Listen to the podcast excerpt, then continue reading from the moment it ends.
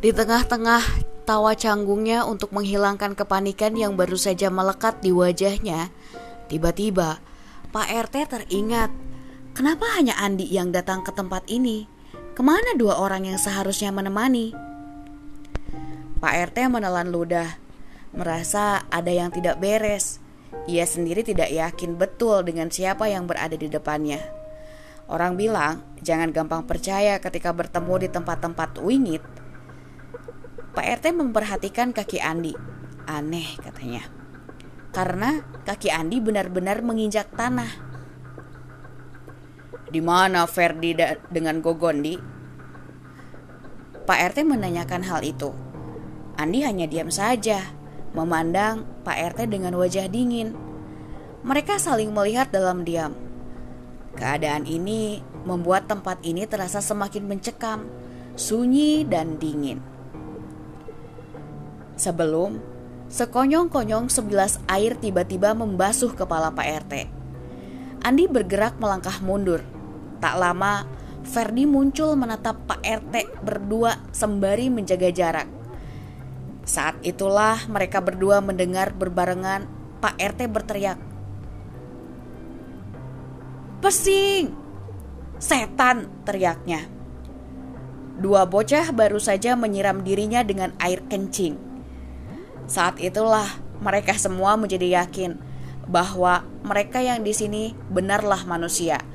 Karena tidak ada salahnya saling menjaga satu sama lain karena konon banyak orang beraliran beraliran hitam tega melakukan apa saja hanya demi mendapat setali kain kafan dari mayit yang sedo pada Jumat Kliwon. Takutnya Pak RT adalah orang lain karena pada zaman itu, banyak orang bisa berganti-ganti rupa dengan maksud jahat.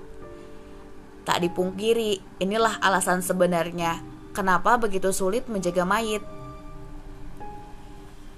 Mereka bertiga lalu duduk di gubuk sementara mencicipi sepiring kacang dengan gelas-gelas kopi.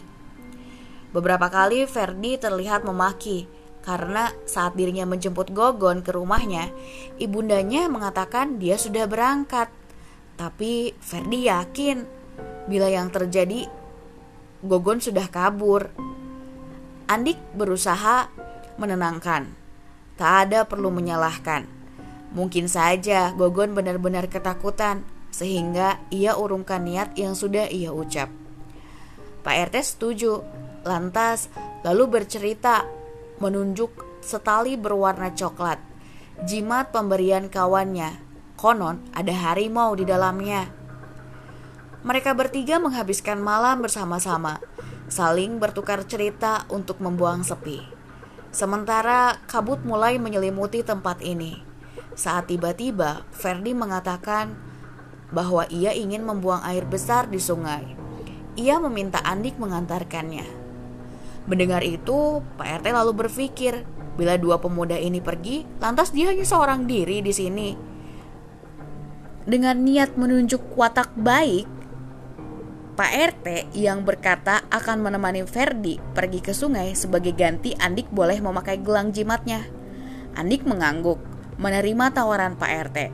Lagi pula sebagai anak sudah tentu menjadi tugas dia menjaga makam milik bapaknya. Pak RT pun bergegas pergi bersama Ferdi, melangkah sedapa demi sedapa di atas makam-makam lain menuju ke sungai yang tak jauh dari tempat mereka sebelumnya. Mereka berjalan berdua di bawah pohon-pohon Kamboja dengan kabut tebal mengelilingi mereka. Berbekal senter di tangan, Pak RT memimpin jalan. Tak lama kemudian terdengar suara aliran sungai. Sungai sudah dekat. Perdi semakin bersemangat. Ia ingin segera membuang hajat. Ferdi mendahului, meninggalkan Pak RT yang berteriak agar pemuda itu menungguinya. Ia sedang kewalahan menghindari tanah gembur berlumpur dengan nisan-nisan di sekitarnya. Namun, nampaknya Ferdi tak menggubris alasannya. Baginya, hajat nampaknya lebih penting dibandingkan dirinya. Lama ia bergulat dengan keadaan, Pak RT akhirnya bisa keluar dari jalan kuburan. Ia berdiri di tepi sungai, menyinari area sekitar sembari berteriak di mana bocah itu sedang berjongkok. Sungai membentuk setapak miring, membuat PRT sedikit kerepotan karena tubuh orang tertutup oleh rumput-rumput panjang. Pak RT tak juga mendapat jawaban. Ia masih menyinari area sekitar sebelum pandangan matanya menangkap tangan melambai tak jauh dari tempatnya. Pak RT merasa lega Rupanya di sana Ferdi berada. Ia mendekat sebelum duduk di atasnya, tak dilihatnya Ferdi. Di sana, Pak RT duduk bersila sembari matanya mengawasi sekitar. Tiba-tiba, tak jauh dari tempatnya, terdengar suara berkecipuk air. Niat usil Pak RT muncul. Ia ingin mengerjai Ferdi.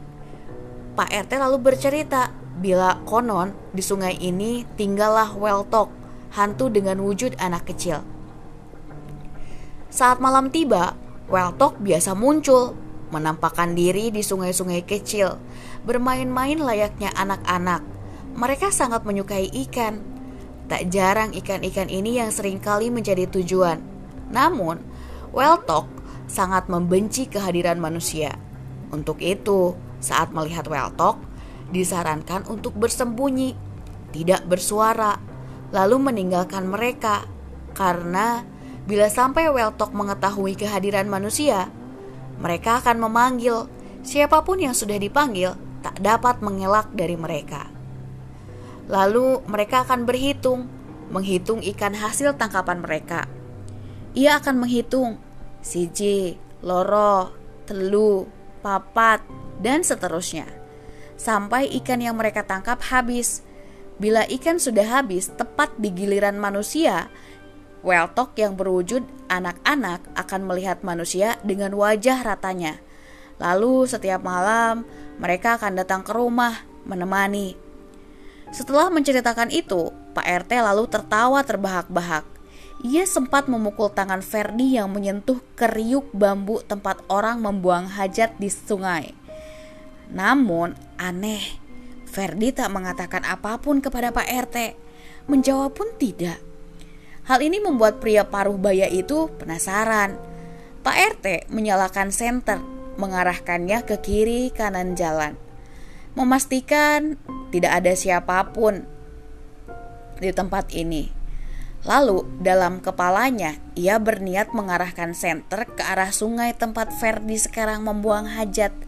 Meski tidak sopan, ia harus memastikan bahwa yang dia jaga benar Ferdi. Tepat senter diarahkan di sana, wujud api membakar tiba-tiba terlihat. Sosok manusia berdiri memanjat dari dalam sungai. Itu adalah kali pertama simpang siur kabar bahwa selain Weltok, sungai adalah rumah bagi Kemamang benar-benar bukan sekedar gosip. Pak RT menjatuhkan senter, berlari tunggang langgang. Tak dia sangka sebelumnya. Kemamang memang ada di sungai ini. Ia pikir hanya rumor belaka bila buang hajat malam buta akan disambangi Kemamang datang. Ketika berlari di bawah pohon mangga, Pak RT melihat Ferdi memasang celana. Namun peduli setan, biar Ferdi saja yang menemani Kemamang karena semua orang tahu makhluk itu biasa mengejar sampai dapat. Ferdi hanya terheran-heran melihat Pak RT pergi. Ia pikir Pak tua itu sedang kembali ke tempat Andik yang sedang berjaga sendirian. Ferdi pun menyusul. Ferdi tak melihat ada yang salah sepanjang jalan di kegelapan tanah kuburan. Ia berjalan seorang diri. Tiba-tiba, Langkahnya terhenti ketika dia mendengar suara seseorang sedang bersiul. Ferdi berhenti sebentar, mencari dari mana sumber suara itu. Ferdi terdiam menatap pohon beringin. Di bawah pohon beringin ada batu besar bekas pondasi. Seorang pria yang wajahnya tak asing bagi Ferdi sedang duduk dengan tongkat kayu di tangannya.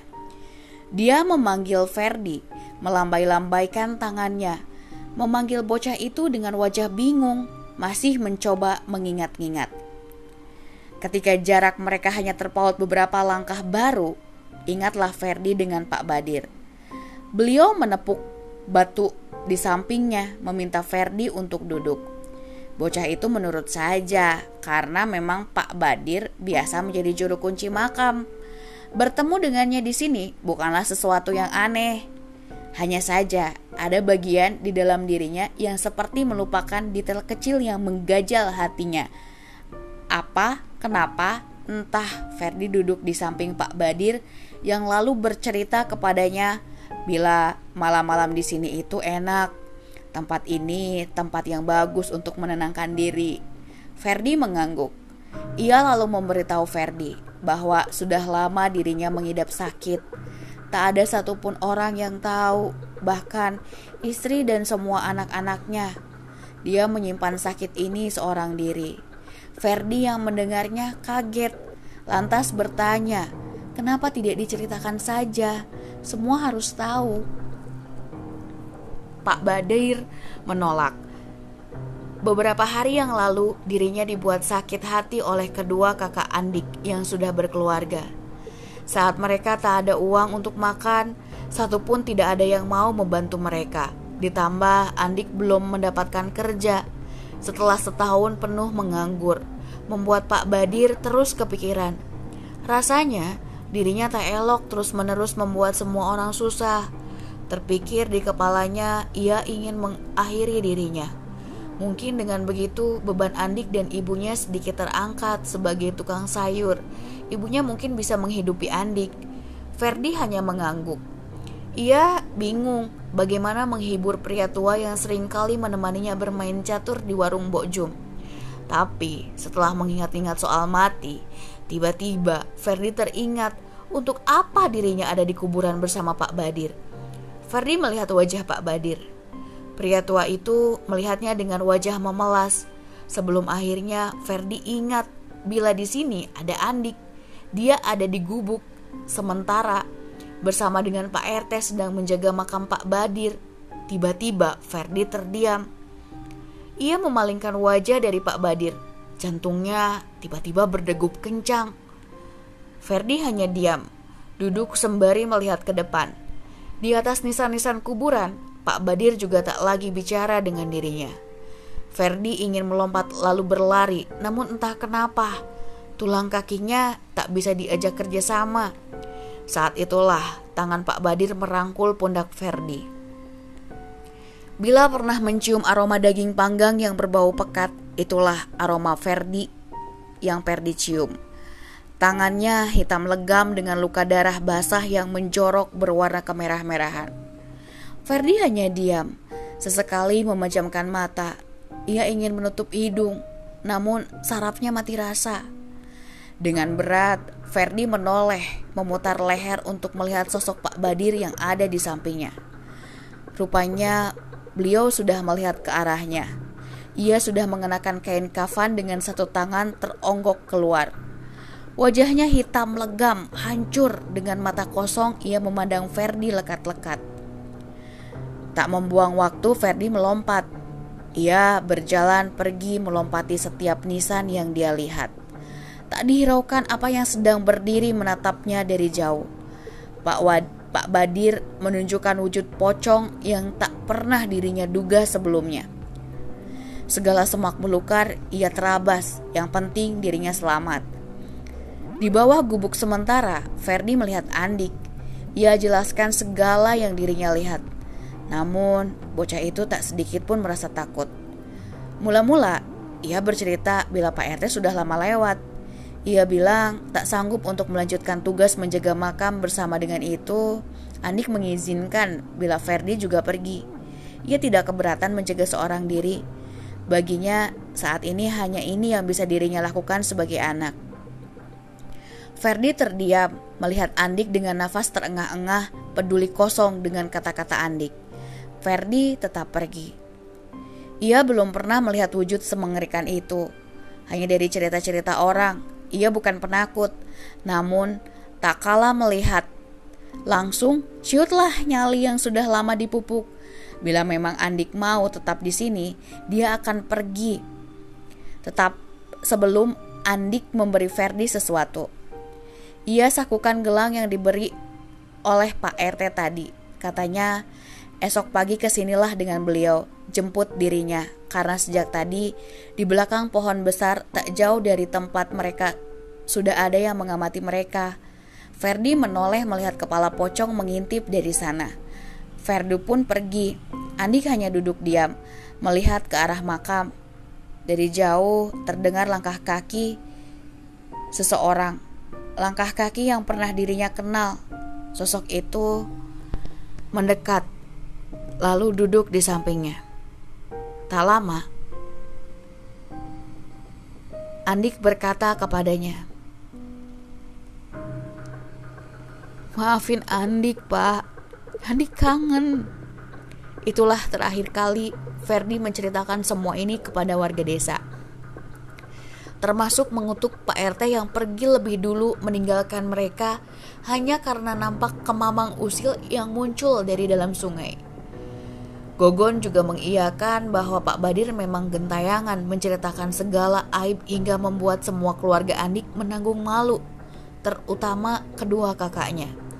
Sejak malam itu, hanya Andik bersama keluarganya bergantian menjaga makam tanpa melibatkan warga desa. Namun, apakah semua ini selesai sampai di sini? Setiap malam, setelah waktu menunjukkan pukul 12 malam, di rumah-rumah warga sering terdengar suara pintu yang diketuk. Konon, itu adalah Pak Badir yang sedang usil kepada mereka. Tak ada warga yang berani membukanya, sampai akhirnya kejadian ganjil itu perlahan menghilang, lenyap. Tetapi wujud yang menyerupai Pak Badir terkadang muncul. Namun, tak lagi mengganggu warga kampung. Hanya tamu-tamu yang kebetulan lewat saja yang bila beruntung akan melihatnya berdiri di bawah pohon randu.